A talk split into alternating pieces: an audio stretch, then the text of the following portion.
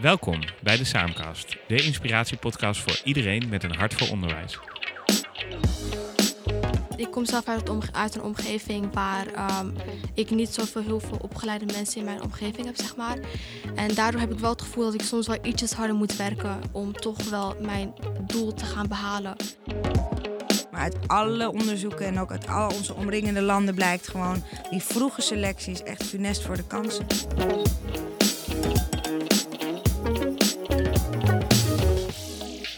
Vanuit de Apollo in Amsterdam is dit de Saamkast. Onze gasten van vandaag zijn de makers van de documentaire Klasse, Sarah en Esther. Een jaar lang daalden ze neer in de klaslokale huiskamers en straten van Amsterdam-Noord, waar ze de strijd om elk kind een kans te geven in beeld brachten.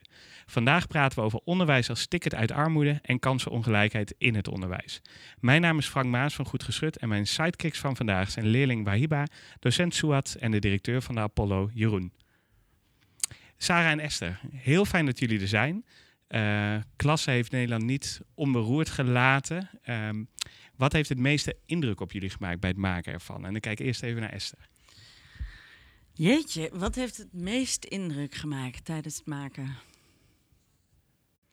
Nou, ik denk toch dat het is een gek iets, want voordat wij aan zo'n serie beginnen, doen we uh, vrij intensieve journalistieke onderzoek. Hè? Dus we verdiepen ons echt in het thema. We gaan met heel veel mensen praten. Dit allemaal voordat we op zoek gingen naar scholen en kinderen en docenten, uh, waar we mee konden filmen. Um, maar ik, ik denk dat ik toch verbaasd was eigenlijk over hoe die vroegselectie, hè, wij noemen dat een beetje de schoolbak, of dat noemen wel meer mensen, maar hè, al die vakken van VMBO basiskader, T, HAVO, VWO, hoe, hoe oneerlijk dat eigenlijk is. En uh, uh, dat dachten we al tijdens de research, maar de mate waarin het eigenlijk een soort trechter is van minder kansen of meer kansen of zo. Hè? Dus op dat VWO wordt het allemaal meer, meer, meer. En soms toch op veel VMBO-basiskader scholen minder, minder, minder. Dat heeft me toch een beetje gechoqueerd. Ja, ja. Ja, en, en, en, en Sarah, van wat, wat was voor jou het moment van ja, dit is een onderwerp wat we de komende jaren niet loslaten? Want jullie zijn echt al jaren hiermee bezig.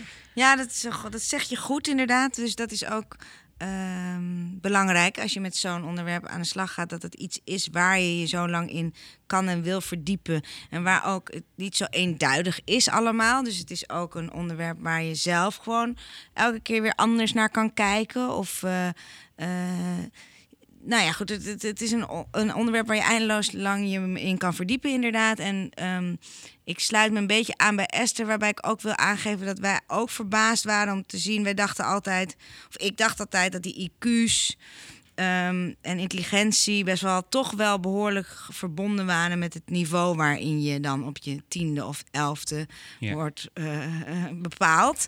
En eigenlijk kwamen wij er dan steeds meer achter dat dat best wel uh, troebele wetenschap is, of, om het zo maar te zeggen. Dus dat het er zeer de vraag is of je op die tiende, elfde al kan beslissen welk niveau een kind aan kan. En dan is het ook nog eens heel uh, stringent ingedeeld, ook nog in THAVO of basiskader. Zo. Net alsof dat allemaal hele keiharde wetenschap is. Terwijl uit allerlei onderzoek blijkt dat je een, uh, een goed rekenende uh, kaderscholier naast een slecht rekenende VWO-scholier zet, zijn ze op hetzelfde niveau, weet je wel. Dus het hele idee dat terwijl ze hun toekomst er totaal anders uitziet. Dus dat vond ik eigenlijk wel heel schokkend. Dus eigenlijk. het systeem maakt onderscheid, maar dat hangt veel minder af van de capaciteiten dan je eigenlijk zou hopen. Ja, of het is in elk geval veel uh, flu weer fluide en veel ingewikkelder dan we zou, graag zouden willen. Dus een kind kan heel goed zijn in rekenen, maar niet zo goed in taal. Ja. Maar komt dan toch op het, op het, niveau, ja, op het niveau van zijn slecht scorende vak terecht. Ja ja. zeg maar. Ja, en, en naast jullie zitten we, want dan gaan we even verder met de introductie, zit Wahiba. Hè, dat is natuurlijk de echte expert van vandaag. Naast jou zit ook de kerstverse directeur van deze school en er zit ook een nieuwe docent. Die gaan we daar ook voorstellen. Maar kan je eerst wat vertellen over op wat voor school zijn we nou en vind je het een fijne school? Uh, nou, we zitten nu op, op dit moment op de Apollo. Dit is zeg maar een school waar, uh, waarbij hulp aangeboden kan worden aan kinderen met... Uh, bijvoorbeeld ADHD of autisme of mensen die zich niet zo goed kunnen concentreren. En uh, persoonlijk, toen ik naar deze school kwam, kwam, ik naar deze school omdat ik dus LWO had. Dat betekent dus dat, uh, dat ik dus achterstand had bij bepaalde vakken en bepaalde onderdelen van bepaalde vakken. En um, zeg maar, hier, hier op deze school wordt er zeg maar, ook uh, hulp voor aangeboden. En dat vond ik ook best wel fijn dat ik dus hier naartoe ben gekomen. En wat ik ook fijn vind aan deze school is dat er dus ook kleine klassen zijn. Met klassen met maximaal 18 leerlingen in een klas, wat best wel klein is. En uh, daardoor krijg ik dus ook veel meer één op één aandacht van de leraar als ik bijvoorbeeld extra hulp nodig heb of iets die begrijp. Ja, mooi. Dus je zit hier op je plek? Ja. Ja, mooi. En uh, nou, vlakbij jou zit ook uh, Suat, een nieuwe docent uh, maatschappijleer. Je werkt dus ook pas uh, kort op deze school. En ik zag je net binnenkomen en je straalt echt ontzettend veel enthousiasme uit. Van, uh, waarom, waar komt dat enthousiasme vandaan? Nou ja, deels voor, door het vak wat ik geef, uh, maar ook om het type doelgroep waar, we hier aan les aan geven. Uh, iedere dag is anders, uh, maar het is ook heel fijn lesgeven, omdat je ook echt um, niet alleen bezig bent met achterstanden werk, wegwerken, maar ook echt bij deze type leerlingen ook heel erg op de relatie zit. En dan creëer je toch een bepaalde band met deze leerlingen. En die relatie um, zorgt ervoor dat je ook echt verder kan komen met zo'n leerling. Een veilig gevoel, een veilige omgeving. dat zorgt ervoor dat zo'n leerling wat loskomt. En dan zie je dat een leerling waarvan mensen dachten, nou ja, van hè, kijken hoe ver je, je komt eigenlijk met je studieloopbaan, dat die toch best wel ver komt, omdat hij toch ergens op, op een plek zit waar hij op zijn gemak is. En de hulp ook wordt aangeboden waar hij behoefte aan heeft. Nou, dat, dat zijn dingen die mij echt, ja, vind ik helemaal geweldig. Ja. Fantastisch, ja, mooi, ja, leuk. Ja. Nou, gefeliciteerd met die nieuwe baan. Dank je wel. En, en, jij ook, Jeroen, jij bent hier ook uh, pas kort, uh, kort binnen. Als je dan kijkt naar, naar het thema van klassen, hè, van de documentaire uh, hè, kansengelijkheid, kansenongelijkheid. Ja, wat, wat betekent dat voor jou, dat thema? Nou, ik kan me heel erg vinden in wat er net werd gezegd. Hè, dat we in Nederland best wel snel uh, leerlingen in, nou ja, hoe noem je het, hokjes duwen. Dat, dat is ook wel mijn ervaring. Aan de andere kant weet ik ook niet zo goed wat dan wel de goede oplossing zou zijn. Omdat het gewoon een hele complexe materie is. En hoe meer ik als schoolleider uh, ervaring heb, hoe, hoe complexer het lijkt te zijn. Hè, want, want idealiter, en die gesprekken hebben in Nederland ook wel gevoerd, ook naar voorbeeld van Italië, als ik me niet vergis, is dat we eigenlijk misschien wel inclusiever zouden moeten zijn. Hè? Zodat we niet gaan zeggen, uh, gezien dat beeld wat we hebben, is dit het kader waar jij in past. Misschien zou je dat breder kunnen trekken en zeggen, we gaan helemaal nog niet bepalen. We gaan gewoon verder en we kijken naarmate de leerling vordert om te zien, nou in rekenen excelleer je, maar in dat vak heb je meer ondersteuning. Dat zou misschien een heel mooi plaatje kunnen zijn, waar het niet dat dat heel veel vraagt van je docenten. Hè? Dat betekent dat je ook heel erg adaptief moet kunnen werken. Ja, en dan kom je weer op discussies over leraartekorten, werkdruk en nou ja, al die dingen die we inmiddels kennen. Dus we weten eigenlijk dat, dat het beter is, tenminste dat, dat gevoel hebben, maar het is Ja. heel ingewikkeld te organiseren. Ja, maar wat ik dus heel stoer vind in Amsterdam, want Amsterdam-Diemen is het grootste samenwerksverband hè, van Nederland, met eh, nou, uit mijn hoofd meer dan 60.000 leerlingen, is dat ze in Amsterdam hebben gezegd, we zien toch ook echt een substantiële categorie leerlingen die een beetje tussen wal en schip dreigen te raken, gezien dat hokjesverhaal. Hè. En Ja. daar zijn eigenlijk die tussenvoorzieningen door ontstaan. Ja. En, eh, En de Apollo is zo'n en tussenvoorziening. de Apollo is wat ze dan noemen zo'n tussenvoorziening. En eigenlijk betekent tussen, tussen het regulier en het speciaal onderwijs in. En dat vind ik een heel mooie vertaalslag van waar passend onderwijs voor staat. Hè? Ja. En, eh, en ook wel in relatie tot de kansen die je leerlingen biedt. Want ik durf te zeggen dat onze leerlingen hier daardoor meer kans krijgen dan wat ze anders zou hebben gehad als ze in het regulier in die Ja. grote klassen en nou, toch vaak grote scholen zouden hebben moeten presteren. Ja, ja. En dan ehm, eh, eh, Sarah, van ehm, hè, jullie weten in klassen echt dicht bij mensen te komen. Hè? Dat, dat, dat zie je heel erg. En eh, iedereen die de serie heeft gezien, die herinnert zich bijvoorbeeld aan Nisa, haar opa. Hè? Dat zijn bijna bekende Nederlanders geworden. Ehm, en mensen laten zich daar heel erg van hun sterke kant zien, van hun zwakke kant zien, hun kwetsbare kant. Dat lijkt me heel, dat is heel knap, maar het is ook spannend. Hoe ga je om met dat vertrouwen dat jullie hebben gekregen ehm, ja, bij de start van die serie? Ja, dat is ook een vertrouwen wat groeit natuurlijk. Hè. Het is eigenlijk niet zo dat iemand vanaf dag één zegt... nou prima, kom een jaar lang alles filmen wat jullie maar willen... en ik stel me helemaal open. Dus dat is een, een voortdurend proces vanuit ons en vanuit onze researcher... En, maar ook de cameraploegen, wat bijvoorbeeld verschilt met een vaak andere lange producties... is dat wij heel eh, hechte uh, camerateam hebben. Dus wij verdelen onze ho- hoofdpersonen. Dus we filmen niet. Esther filmde bijvoorbeeld met Anissa. Ehm, Oh ja. maar we hebben wel ons, allebei ons eigen eh, cameraman en geluidsmens, moet je tegenwoordig zeggen. In mijn geval vrouw. Camerapersoon. ja, maar op de filmacademie mag je niet meer cameraman zeggen. Camerapersoon en eh, geluidspersoon. En eh, dat, dat maakt natuurlijk allemaal heel veel uit voor de band die je opbouwt. Ja. Dus het is een band die ook buiten het filmen om voortdurend wordt gesmeed. Dus we gaan daar ook veel eh, eten. Of dan heb je gefilmd en dan blijf je eten. Of je neemt eten mee. Of, dus het is een, een, een investering gedurende het filmen. En er zijn ook een heleboel dingen die niet meteen mogen. Zoals bijvoorbeeld bij Anissa thuis filmen of zo. Dat, dat konden, konden we pas na maanden van Ja, het winnen van vertrouwen. Ja, ja, ja. Ja. En eh, hoe ga je daar dan mee om? Ja, het verschilt natuurlijk ook heel erg per persoon. Soms moeten we mensen nou, dat is niet heel vaak, maar je zou ook kunnen voorstellen dat mensen tegen zichzelf in bescherming moeten nemen, omdat ze alles maar ge- gefilmd willen. Ja. En anderen moet je juist eh, eindeloos overhalen en alles wat ertussen zit. Ja. Ja. Het, het lijkt misschien wel een beetje op, op de rol van docent. Hè? Dat je gewoon echt dat vertrouwen moet, eh, eh, moet verdienen. Van, van, zie je daar een vergelijking, Esther? Hoe, hoe lijkt dat op elkaar?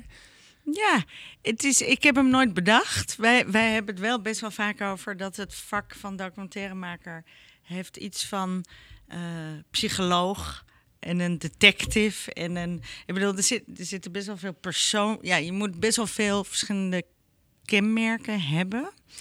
Maar docent snap ik eigenlijk wel, ja. Ja, je, je bent voortdurend bezig met die band, maar je moet tegelijkertijd ook een plan hebben voor Ja. de film of de serie. Nou, dat moet een leraar vast ook. En als, Toch? Ja. en als die relatie niet, niet op orde is, dan kan je je werk niet goed doen. Nee. Ja. Ja, en je moet goed observeren. En ik kan me voorstellen dat een docent dat ook moet doen, toch? Ja. Want merk jij, Suat, dan ook dat je, steeds, eh, hè, dat, je effectiever wordt eh, als die relatie er is? Of dat het soms helemaal niet lukt om zo'n relatie op te bouwen? Kan je iets over vertellen? Ehm, ja, ehm, nou, dat alles niet lukt. Eh, het kan wel lukken, want ja, niet alle leerlingen, daar hoef je niet allemaal een klik mee te hebben. Waar het om gaat is dat leerlingen zich veilig voelen en zich op hun gemak voelen. En als je dat eigenlijk bereikt, en relatie is een middel om dat te bereiken, dat is je doel uiteindelijk. ehm, dan komen ze los en dan, dan gaan ze aan het werk.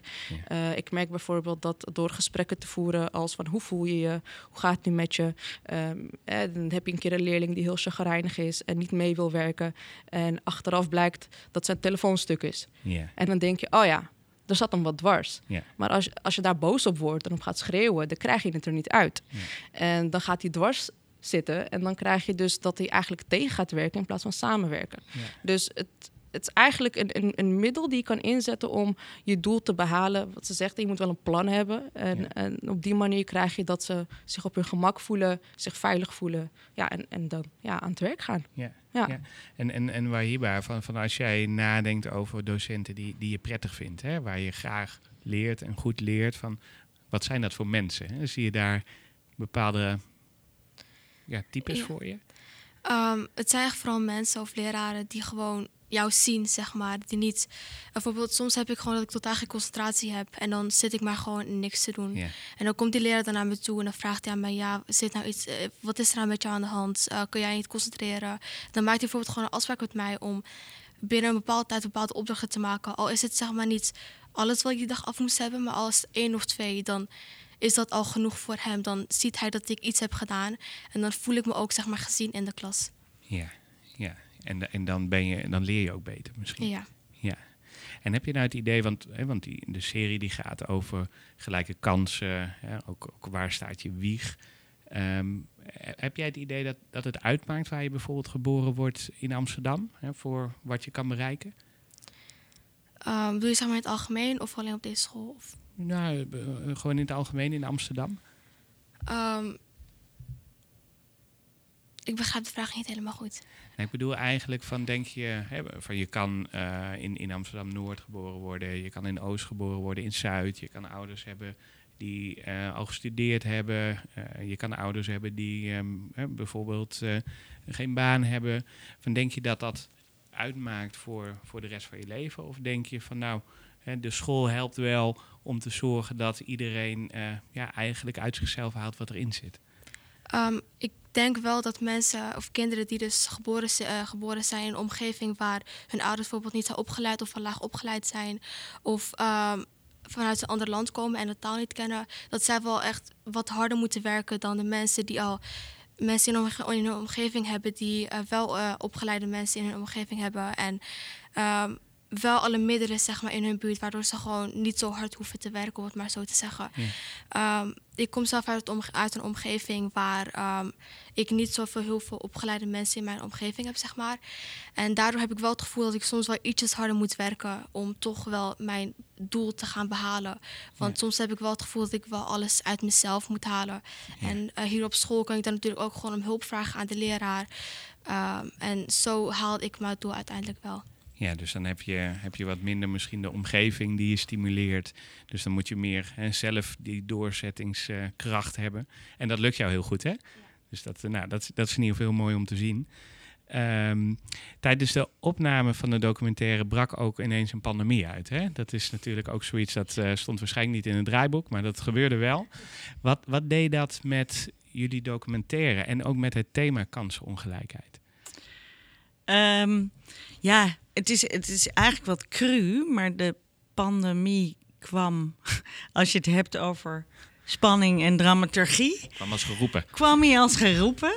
Aflevering 6 zou echt de ja. saaiste aflevering worden. Omdat dan eh eindtoetsen nog wel eraan kwamen. Maar verder was het oordeel al geveld. En. Dus we dachten, ja, dat moet een beetje over, over schoolreisjes en eh, musical gaan. Wat- kamp. waar gaat de aflevering 6 eigenlijk over? En toen kwam die pandemie. Nou ja, eerst waren we zelf wat naïef.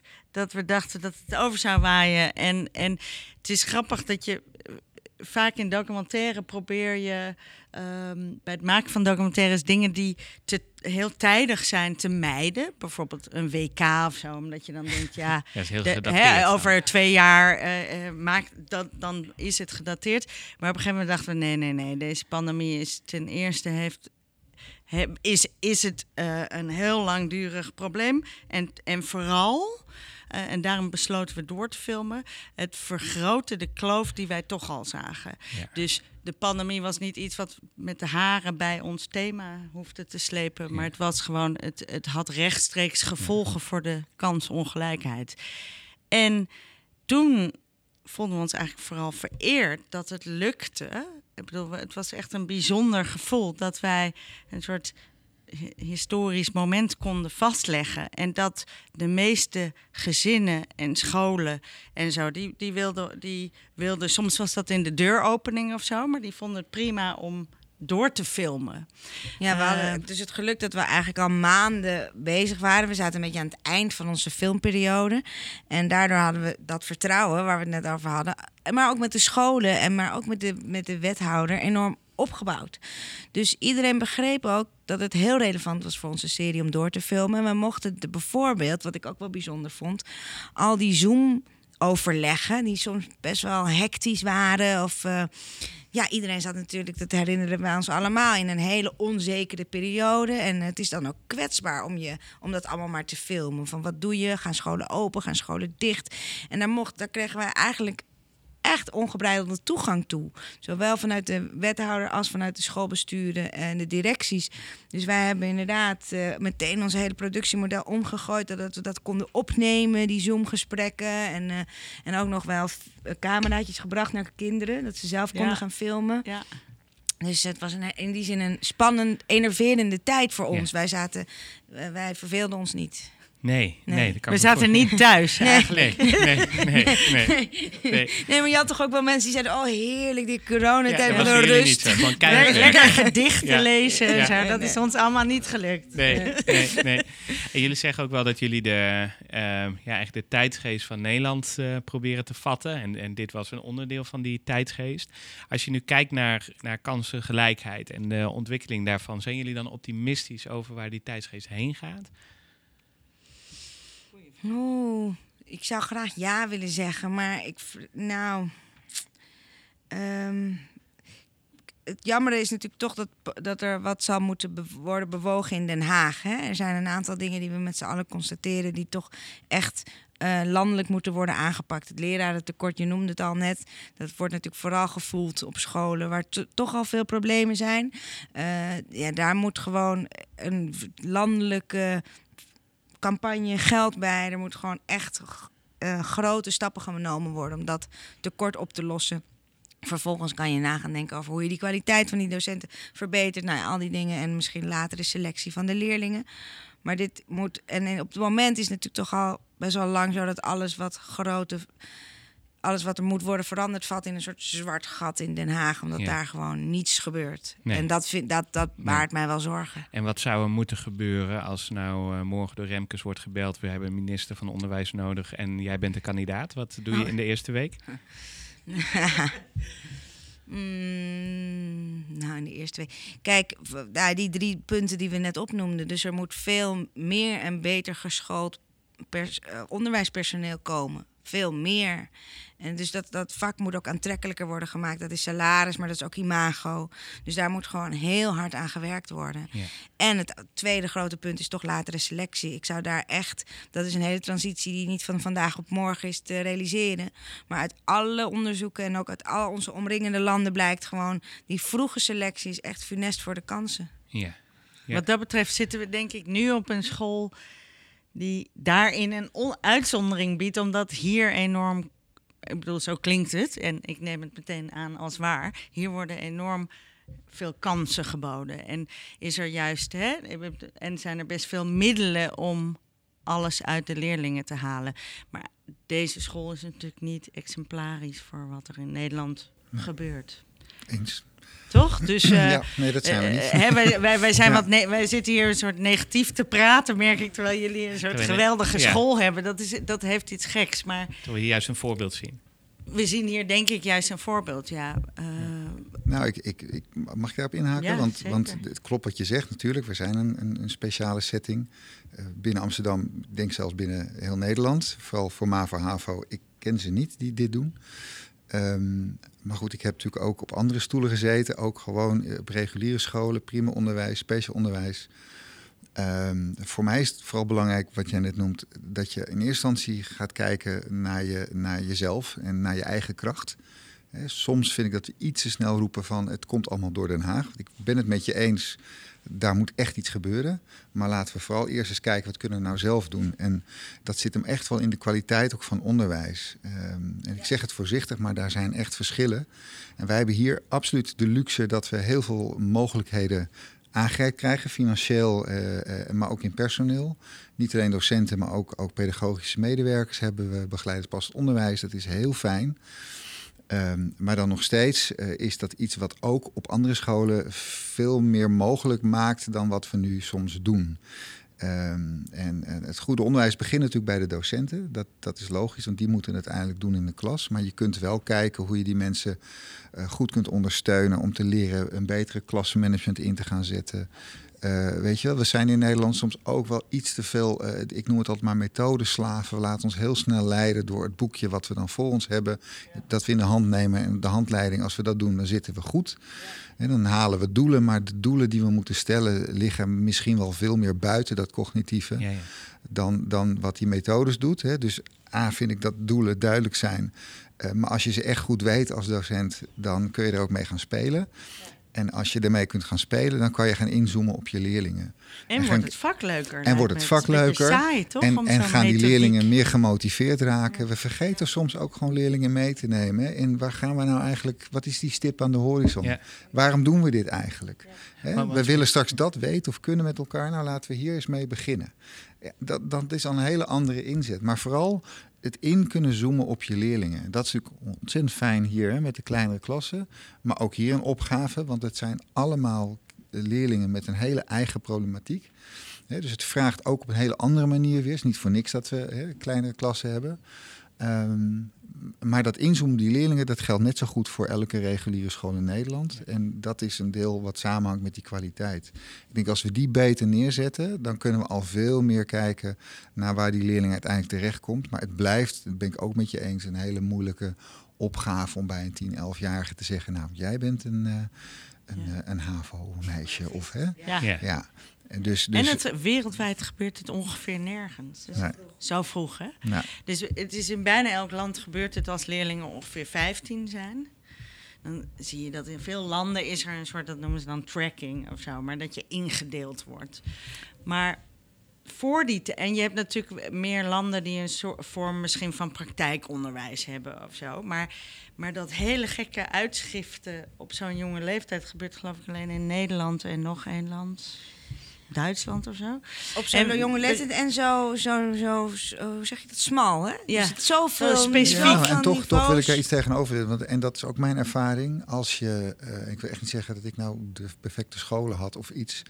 Maar ik heb wel heel lang op één school leiding mogen geven. En eh, ik denk dat we daar echt stappen hebben kunnen maken om een leerling echt in een heel breed perspectief te zien en ook nou ja, te beoordelen. Maar in ieder geval te kijken naar capaciteiten, motivatie. Eigenlijk die elementen die, die veel belangrijker zijn om een inschatting te maken in het vervolg. De moeilijkheid is dat je, je maakt een soort meetpunt. Ik ben nooit zo'n CITO-fan, want dat is echt zo'n foto. Nou, jullie maken ook films gelukkig. Maar ik, heb, ik kijk liever naar de film, zeg Ja, maar. ja, ja. Hè, want dan zie ik een heel verloop met elkaar. Als je dat goed met alle mensen die met een leerling hebben gewerkt bespreekt, samen. Dus niet alleen de groep 8 leerkrachten of nee, met elkaar. En je hebt dat goed in beeld. Dan kun je best een aardige inschatting doen, is mijn ervaring. Waar die leerling uiteindelijk terecht zou kunnen komen. En wij werden toen ook echt beloond, zeg maar, door het feit dat we konden toen meten hè, van drie, vier jaar later, klopt het nou ook echt? Ja, dan bleken dat het merendeel van die leerlingen echt wel op hun plek zaten. Waarmee ik niet wil zeggen, dus dit systeem is goed. Hè, maar, maar er is wel ehm, een mogelijkheid om het dus zo in te richten met elkaar dat je dat advies in ieder geval zo goed mogelijk Ja. kunt Waar onderbouwen. ik wel tegenin wil brengen is dat je je gaat gedragen naar de verwachtingen. Dus dat weten we ook uit allerlei onderzoek. Dus je gaat presteren naar wat er van je verwacht wordt. Ja, Dus als jij over drie jaar op die plek blijft zitten, is dat nog niet het bewijs dat dat de goede plek was. Nee. nee, dat, dat, dat klopt. Dat klopt. Toch? En als je in mijn hart kijkt, zeg ik nou, dan zou ik denk ik ook pleiten voor een soort tussenfase nog. Een iets, een soort, ja, ze hebben, ik, ik weet de naam niet meer. Middenschool. ja, zo'n middenschool-idee. Ja, Ja. ja. Ja. Ja, hoe Ja. dat er ook uit moet zien hoor. Maar, Ja. En een, een ander thema wat me heel erg opviel eh, in klassen en, en ook in de praktijk is de enorme druk die kinderen ervaren. Hè. Een jongen zegt bijvoorbeeld in de documentaire: het advies is eigenlijk voor de rest van je leven. Hè. Een ander die zegt: van dit jaar moet je echt het jaar maken om wat te maken van je leven. En ook een meisje wat op een gegeven moment langskomt, die heeft dan eh, school, no sleep en stress eh, op haar hand geschreven. Ehm, dan kijk ik even, even naar Suat. Ehm, heb, heb jij beeld dat we misschien eh, leerlingen wel te veel druk opleggen af en toe? Zie je dat ook eh, ja, in, in jouw werk? Ehm, dat verschilt per leerling. Eh, ik denk ook dat dat samenhangt met de verwachtingen vanuit huis. Ik heb natuurlijk wel eens ouders gesproken die zeggen: ja, maar mijn leerling kan veel meer. Ja. Waarom zo'n laag advies? Of ehm, nou, ehm, mijn kind kan veel meer. Of, ehm, eh, dus de- verwachting thuis, ja, dat merk ik wel eens bij Ja. leerlingen op.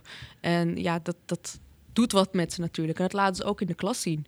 Want dan zie je dat ze eigenlijk, ehm, ja, aan de ene kant willen ze natuurlijk van alles geven, maar ze zijn zo druk in hun hoofd met alles geven dat ze vergeten echt alles te geven. Dus dat, dat, daar gaan ze aan voorbij.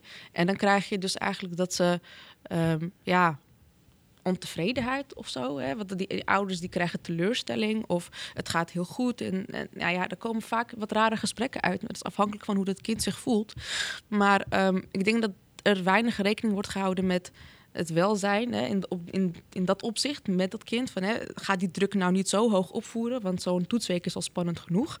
Eh, maar ga dat kind juist begeleiden of helpen met organiseren en plannen. En hè, op die manier dan misschien nog toch wel je doel behalen. In plaats van te roepen, ja, maar je kan veel beter, kom op. Dat, Ja. dat, dat, dat Ja. geeft toch wel Dus echt dat je hele... bewust dat je af en toe eventjes wat, eh, wat tempert en de druk probeert te verlagen. Ja, ja, ja, zeker. Maatwerk is heel erg belangrijk. Ja, Ja. zeker, zeker. Echt, wat heeft het kind nodig? Daar moet je echt als leraar, dat, dat staat echt centraal. Als je ja, boven verwachtingen eh, druk voert, ja, dan krijg je eigenlijk averechts effect. Dan, dat, dat werkt niet. Wat is Nee. voor jou nou de belangrijkste kwaliteit die een goede docent in huis moet hebben? Ehm, nou, wat ik het eerste, eh, bij de eerste vraag al eh, benoemde, eh, balans tussen je rol als docent en op de relatie zitten. Ja. Dat, dat vind ik echt heel belangrijk. Ik denk dat je daar heel veel mee bereikt.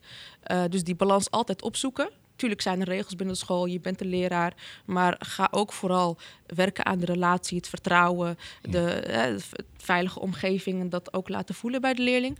En anderzijds ook dat maatwerk. Uh, dus dat, dat leerlingen ook, ja, je moet niet te veel vragen je moet de druk niet opvoeren, maar je moet werken aan ja, blenden met zo'n leerling. Uh, je hebt binnenkort een toets, hoe ga je dat doen? Dus als ik bijvoorbeeld mentor ben, dat ik met mijn mentorleerling ga kijken van nou, wat hebben jullie volgende week? Uh, dat ik weet welke leerlingen er een beetje, eh, een beetje lastig vinden om zich daarop voor te bereiden of het spannend vinden. En die leerlingen eruit te pikken om één op één samen te kijken. Ja, dus het maatwerk, ja. dat begeleiden, ja. ja. dat is echt wat, een, wat echt een leraar ja, en, en want hè, bij de Apollo zijn de klassen hè, behoorlijk klein in vergelijking mm -hmm. met een hoop andere scholen. Hoe doe je dat op het moment dat je een klas bijvoorbeeld één keer in de week ziet? Uh, je hebt een klas van 25 leerlingen, je hebt een vol rooster. Hoe kan je dat waarmaken als docent? Uh, je bedoelt buiten de setting van de Apollo? Ja. ja? Uh, nou, hoe je dat waar kan maken, dat is inderdaad heel druk. dat is uh, heel veel, maar dat heb ik ook op mijn vorige baan gehad. maar dat, ja, dat is echt een kwestie van plannen en goed samenwerken met de mentor. Um, als je die samenwerking opzoekt en met, ja, je kan het niet in je eentje, maar samen met collega's goed ja, kijken welke leerlingen het lastig vinden. Je hebt er ook gewoon een paar die zich prima redden hoor. Het is Ja. niet echt allemaal één grote. Ja, het is niet echt dat alle, bij alle leerlingen speelt. Maar je hebt er echt een paar tussen die gewoon echt die extra begeleiding en die maatwerk nodig hebben. Ja. En de leerlingen die het niet nodig hebben, kijk wat zij wel nodig hebben. Ja. Want ja, Ja. blijven je leerlingen. Maar samenwerking Je doet het echt samen. samen. Ja. Ja, ja. Mooi. Ja. Nou, deze podcast wordt natuurlijk steeds beter beluisterd. En daarom hebben we ook van een van de vaste luisteraars hebben we een vraag gekregen. En die is toevallig ook nog voorzitter van het eh, college van bestuur van Samen. Dat is eh, Barbara Dijkgraven. En we gaan even naar haar vraag luisteren. Hallo Sarah en Esther. Jullie hebben met je documentaire serie het onderwerp kansengelijkheid stevig op de agenda van het onderwijs gezet. Hoe kunnen wij nou als schoolorganisatie meehelpen aan het vergroten van de kansen van leerlingen die in armoede opgroeien? Moeilijke vraag. Hele moeilijke vraag. Kijk, het eerste wat me te binnen schiet is dat het gewoon eigenlijk noodzakelijk is dat scholen zich niet als bedrijven gedragen. En, ehm, en waar dat nou precies aan ligt, er zijn denk ik andere mensen die die analyse beter kunnen maken. Welke rol inspectie speelt, welke rol de financiering speelt. Daar, weet- daar weet ik niet het fijne van. Maar het lijkt mij gewoon cruciaal dat scholen zich niet als bedrijven gedragen.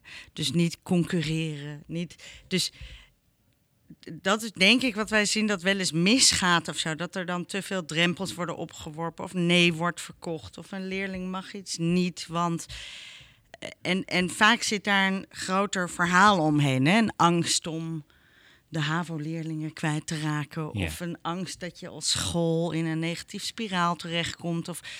Maar eigenlijk zouden scholen helemaal niet op die manier moeten nadenken. Dus je zou, je zou misschien ook een soort structuur willen waarin je wel scholen scherp houdt. Hè? eh, En er valt nog veel te winnen in, in kwaliteit. Maar niet per se financieel afstraft als een leerling blijft zitten of als een leerling er langer over doet. Want, want dat heeft eigenlijk iets heel vreemds. Maar dat geldt eigenlijk voor het hele onderwijs. En nu wordt er natuurlijk specifiek gevraagd naar kinderen die in armoede opgroeien. Dus toch, dat is toch net een beetje een andere vraag. Ehm, ik, ik, ik, weet, ik bedoel, ik weet niet. Ik ken er natuurlijk een aantal scholen nu van samen. Ik heb zelf op Hogeland en op Overij gefilmd.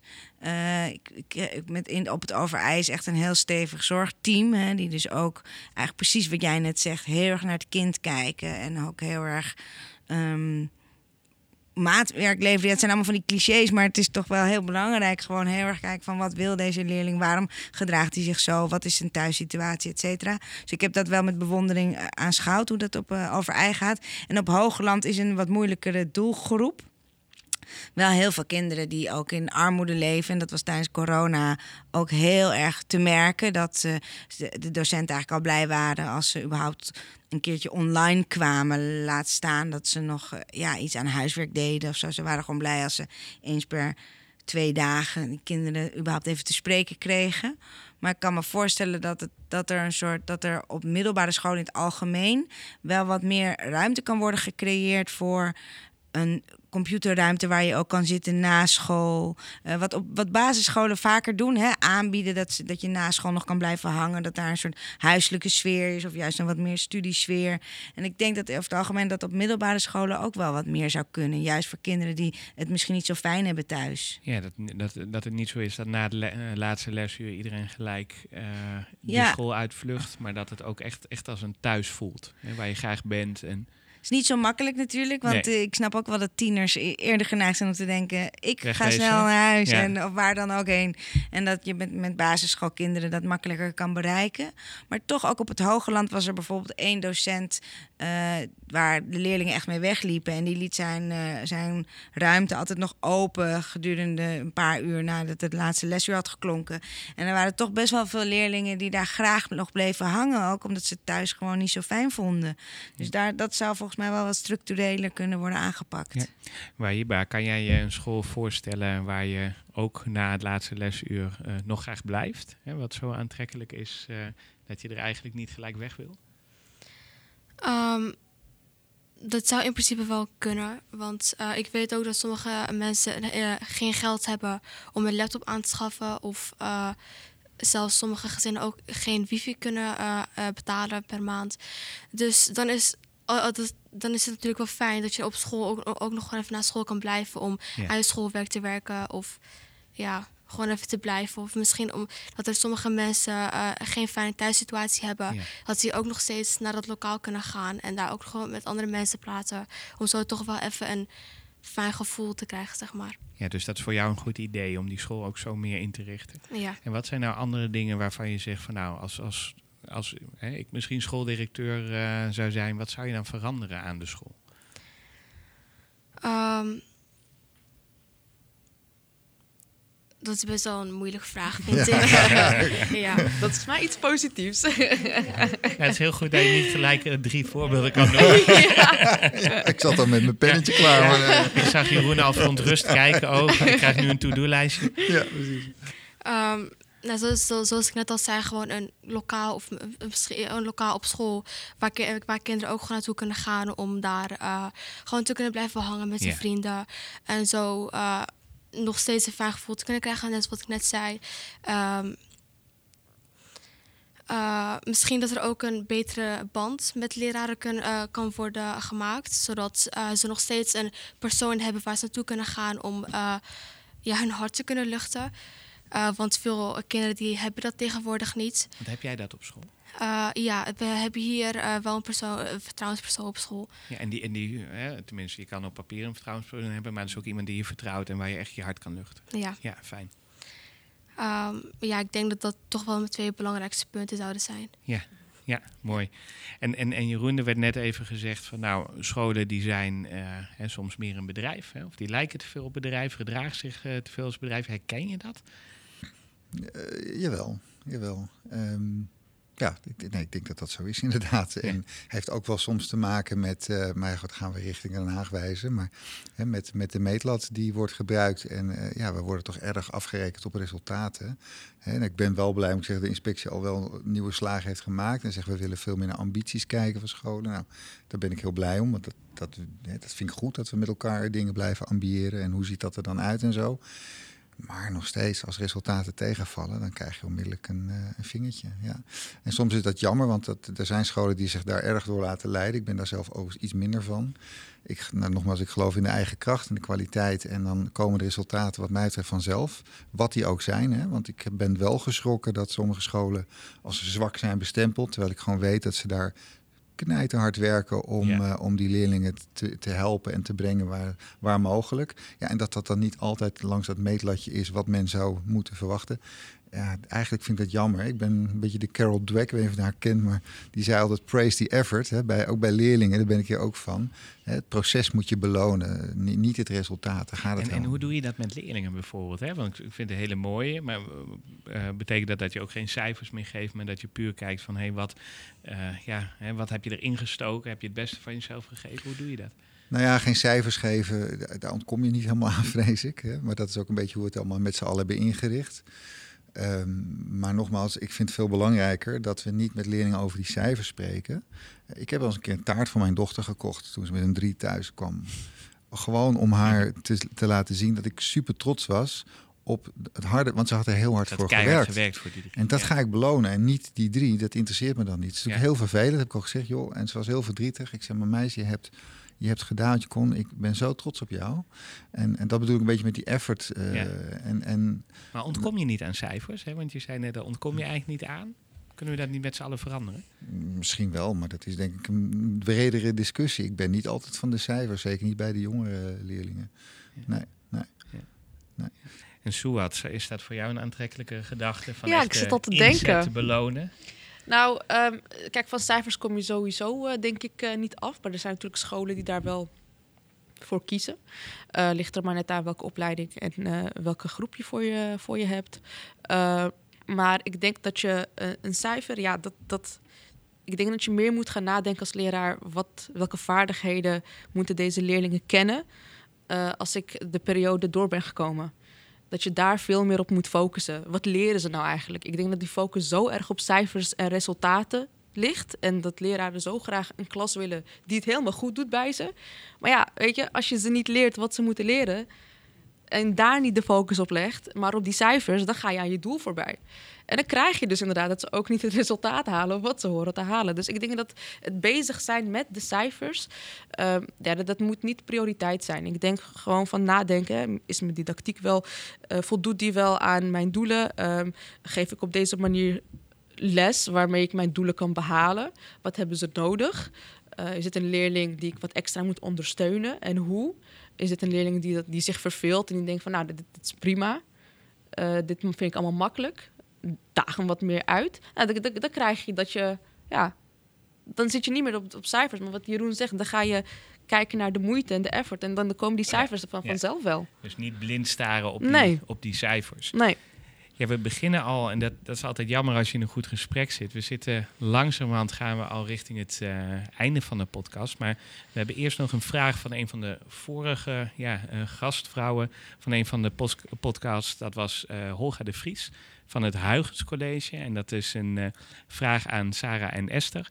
En zij zegt van er is de laatste tijd veel discussie over de brede brugklas. Zou dat nou een oplossing kunnen zijn om de kloof tussen kansarm en kansrijk te verkleinen? Nou ja, kijk, zolang we niet laten selecteren, is de brede brugklas natuurlijk een manier om binnen het systeem dat we hebben later te selecteren.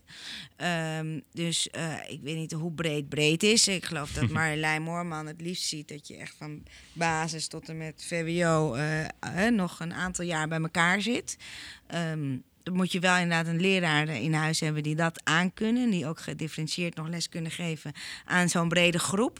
Maar op, eh, op het- welke school in de Bijlmer ook weer, hoe heet die school ook weer? Waar dat, OSB. Oh ja, OSB is dat toch al jarenlang eh, Ja. een heel erg groot succesverhaal. Ehm, Hoewel ik toch hoorde dat het aantal VWO-leerlingen nu, daar ja, maar dat komt af. omdat... Ja, neemt omdat er een gymnasium of een Ja. lyceum eh, gestart is in Ja. Zuidoost. ja. Zie je dus toch Het nou gedrag ja, van de ouders. Nee, ja. maar kijk, de- de- we hebben natuurlijk jarenlang een tegengestelde beweging gezien. Hè? Dus dat je zelfs op, op, op scholen waar je HAVO, Ma- MAVO-HAVO of HAVO-VWO hebt... al in de brugklas, eh, eh, in een HAVO-klas of in een VWO-klas... of in een HAVO-VWO-klas terecht kwam. Bijvoorbeeld Montessori Lyceum, waar ik zelf op heb gezeten... Ja. was vroeger gewoon drie jaar lang HAVO-VWO door elkaar... en daarna ging je pas eens kiezen.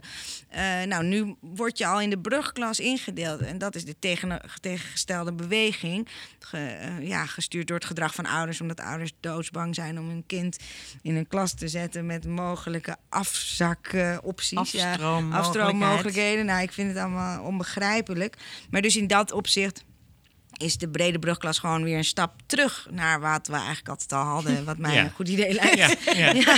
helder. Ja, het is Ja. een beetje gek dat het opeens als nieuwe oplossing. eh, Ja. Ja, het is ook een beetje beweging. Hè? Af en toe komen oude oplossingen weer opnieuw op en andersom. Ik heb ook gewoon in zo'n brugklas gezeten. Ik, ik denk ook de hele tijd, wat is eigenlijk het probleem of zo? Ik snap dat gewoon Nee, ik ook. Mijn eerste niet. twee jaar was, eerste jaar was VMBO T-HAVO. En toen zat Ja. ik in HAVO-VWO. En toen zat Ja. ik in de derde in 3 VWO. Ja, Ja. ja. Dus eh, terwijl mijn advies eigenlijk VMBO T Ja. was. Ja, ja, Kijk, ja. Op de basisschool. Nou, dus het bewijs ik dat heb het echt meegemaakt. geholpen. Ja, Ja. zeker. Ja. zeker. Het enige wat ik wel eens denk is dat het maar dit is misschien een, bijna een onderwerp voor een nieuwe podcast, dat het misschien wel moeilijk is.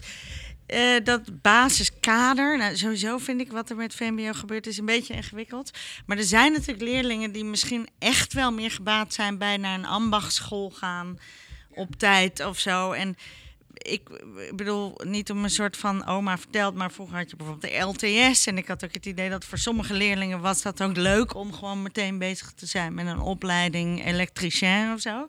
In plaats van, dus die, ja, daar gaat misschien ook in die brede brugklas. Ik denk dat dat het ook wel ingewikkeld Ja. maakt. Ik kan me gewoon voorstellen. Maar gewoon MAVO, HAVO, VWO, MAVO, een paar jaar bij VWO, elkaar. allemaal bij gewoon- elkaar, Ja. geen Ja. probleem. En je Toch? zei net al even van, nou, eh, hè, er zijn eh, genoeg thema's ook voor een, eh, voor een nieuwe podcast. En dat maakt gelijk even het bruggetje naar de volgende podcast. De volgende podcast die gaat over het thema duurzaamheid. En daar is Sandra Pellegrom te gast. En zij coördineert voor de overheid de uitvoering van de duurzame ontwikkelingsdoelen. En ehm, ik kijk even naar Jeroen. Is er misschien een vraag die jij aan Sandra zou willen stellen? Als het om thema duurzaamheid gaat, ehm, mag ik hem dan ook even koppelen aan onderwijs in dit geval? Ehm, omdat ik dat soms wel een spannende vind. In hoeverre eh, zouden scholen meer ook met hun leerlingen aan duurzaamheid kunnen doen? Eh, ik ben heel benieuwd hoe zou dat eruit kunnen zien en in hoeverre worden we daarin ook weer belemmerd door eh, de, de gemeente in dit geval in de wijze waarop zij de afvalinzameling nu organiseren. Mooie vraag. Dank je. Verzin Ik hem ter plekke. Ja. Ik vind hem heel creatief. Ja, ik vind hem heel creatief. Nee hoor, ik ben heel eh, neutraal daarin. Ja. Mooi. En ehm, nou ja, zo, zoals een eh, wat traditionelere les eh, betaamt, eindigen we met het huiswerk. En dan eh, kijk ik even naar Sarah en Esther. Welk huiswerk zouden jullie mee willen geven aan de eh, scholen en docenten die luisteren naar deze podcast? Dat ze altijd hoge verwachtingen moeten hebben van hun leerlingen. En nooit mogen denken, er zit nu eenmaal niet meer in. Ja, dat is tophuiswerk. Het is ook snel klaar. Gewoon luisteren naar Sarah. En, eh, Ja, nee, maar dat is toch... Die hoge lat moet gewoon bij de docenten, bij de leerlingen, bij de bestuurders, bij de directie. maar niet hoge lat als in eh, cijfers jagen. Maar hoge lat als in altijd leerlingen blijven uitdagen. Fantastisch. Nou, dank jullie wel. Sarah, Esther, Wahiba, Jeroen en Suat. Dit was de Saamkast en eh, tot de volgende keer.